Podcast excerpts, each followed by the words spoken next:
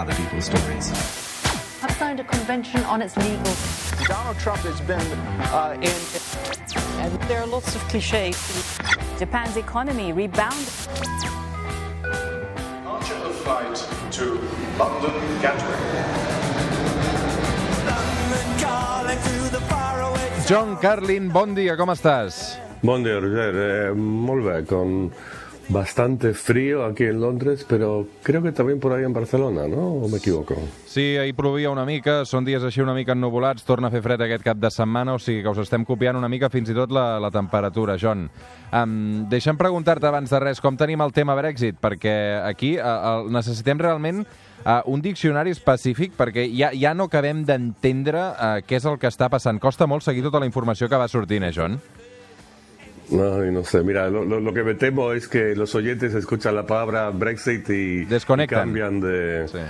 Desconectan, y casi desconecto yo. Una cosa notable en, aquí en los últimos días en, en, en la prensa y en, en, las radios, en la televisión, es que de repente eh, la gente ha dejado de hablar del Brexit, porque creo que los, incluso los británicos ya estamos absolutamente hartos de este cuento de nunca acabar. Aunque dicho esto, claro, se aproxima la gran fecha de la supuesta despedida del Reino Unido de la Unión Europea el 29 de marzo y todavía nadie sabe qué va a pasar y básicamente tenemos para resumir la situación de una manera así un poco gráfica eh, lo que está haciendo la primera ministra Theresa May es se pone una pistola en la cabeza eh, apunta la pistola a su propia cabeza, le dice a la Unión Europea, mira, si no hacéis lo que yo quiero, disparo. Si me entiendes, o sea, están aquí como sin ningún tipo de argumentos y, y a punto de un, de un, suicidio colectivo. Es lo que más tremendo de todo es que un, un, país, una venerable democracia como la británica, quizá, seguramente la democracia más antigua, está haciendo un papelón tan ridículo frente al mundo en un momento eh, absolutamente crítico en su historia. El relat d'aquest Brexit també com afectarà altres parts tan significatives com Gibraltar, per exemple, eh, i tan particulars i tan diferents. Avui el veurem al suplement a partir de les 10, també amb la intervenció del Carlin, però John, abans de tot això, deixa'm posar sobre la taula un altre tema que també està d'actualitat. En parlem de fa molts dies i vull comprovar com es viu també a Londres. Ante las restricciones a las VTC aprobadas por el gobierno catalán, nos vemos obligados a suspender el servicio de UberX en Barcelona a partir de mañana. Seguimos a disposición de la Generalitat de Cataluña y del Ayuntamiento de Barcelona para trabajar en una regulación justa para todos.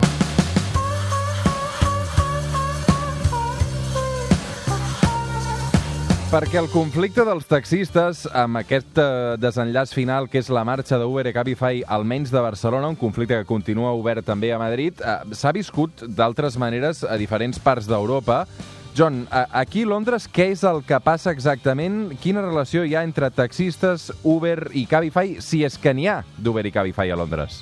Sí, mira, es un, es un, drama eh, al que he sido eh, espectador durante varios años aquí en Londres. Por supuesto que, que nadie se salva de, de, este conflicto, que claro, entra dentro del marco de, más amplio de la época en la que vivimos, en la que el mundo se nos está eh, digitalizando y, y, y se, se, ven tremendos problemas perdón, no necesariamente problemas, pero cambios tecnológicos que inciden eh, enormemente en nuestras vidas diarias. O sea, un, un tema que, que, tú y yo hemos hablado antes, es el tema de cómo, por ejemplo, todos los avances en la tecnología han incidido en, eh, en lo que yo básicamente he hecho toda mi vida, que es la prensa escrita.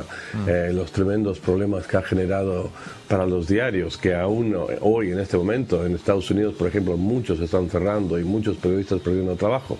Entonces, llevándolo al tema del Uber y los taxis, pues sí, aquí ha habido una, una guerra, más una guerra fría, una guerra menos caliente, menos visible que en, que en Madrid y en Barcelona, pero yo no dejo de hablar de este tema todo el tiempo y cada vez que cojo un taxi.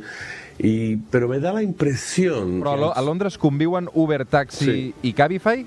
Sí, bueno, Cabify no sé, no, no, mira, ahí, ahí, ahí no, no, te puedo responder, me superas, pero, perdón, eh, Uber y, taxi eh, conviven. Es una difícil convivencia, pero a lo que iba es que parece, parece que se ha logrado un cierto equilibrio y que los dos han logrado llevar a, un, modus vivendi em, razonable. Y te cuento por qué. Yo creo que hay, una, diferencia. Perdón, estoy un poco resfriado.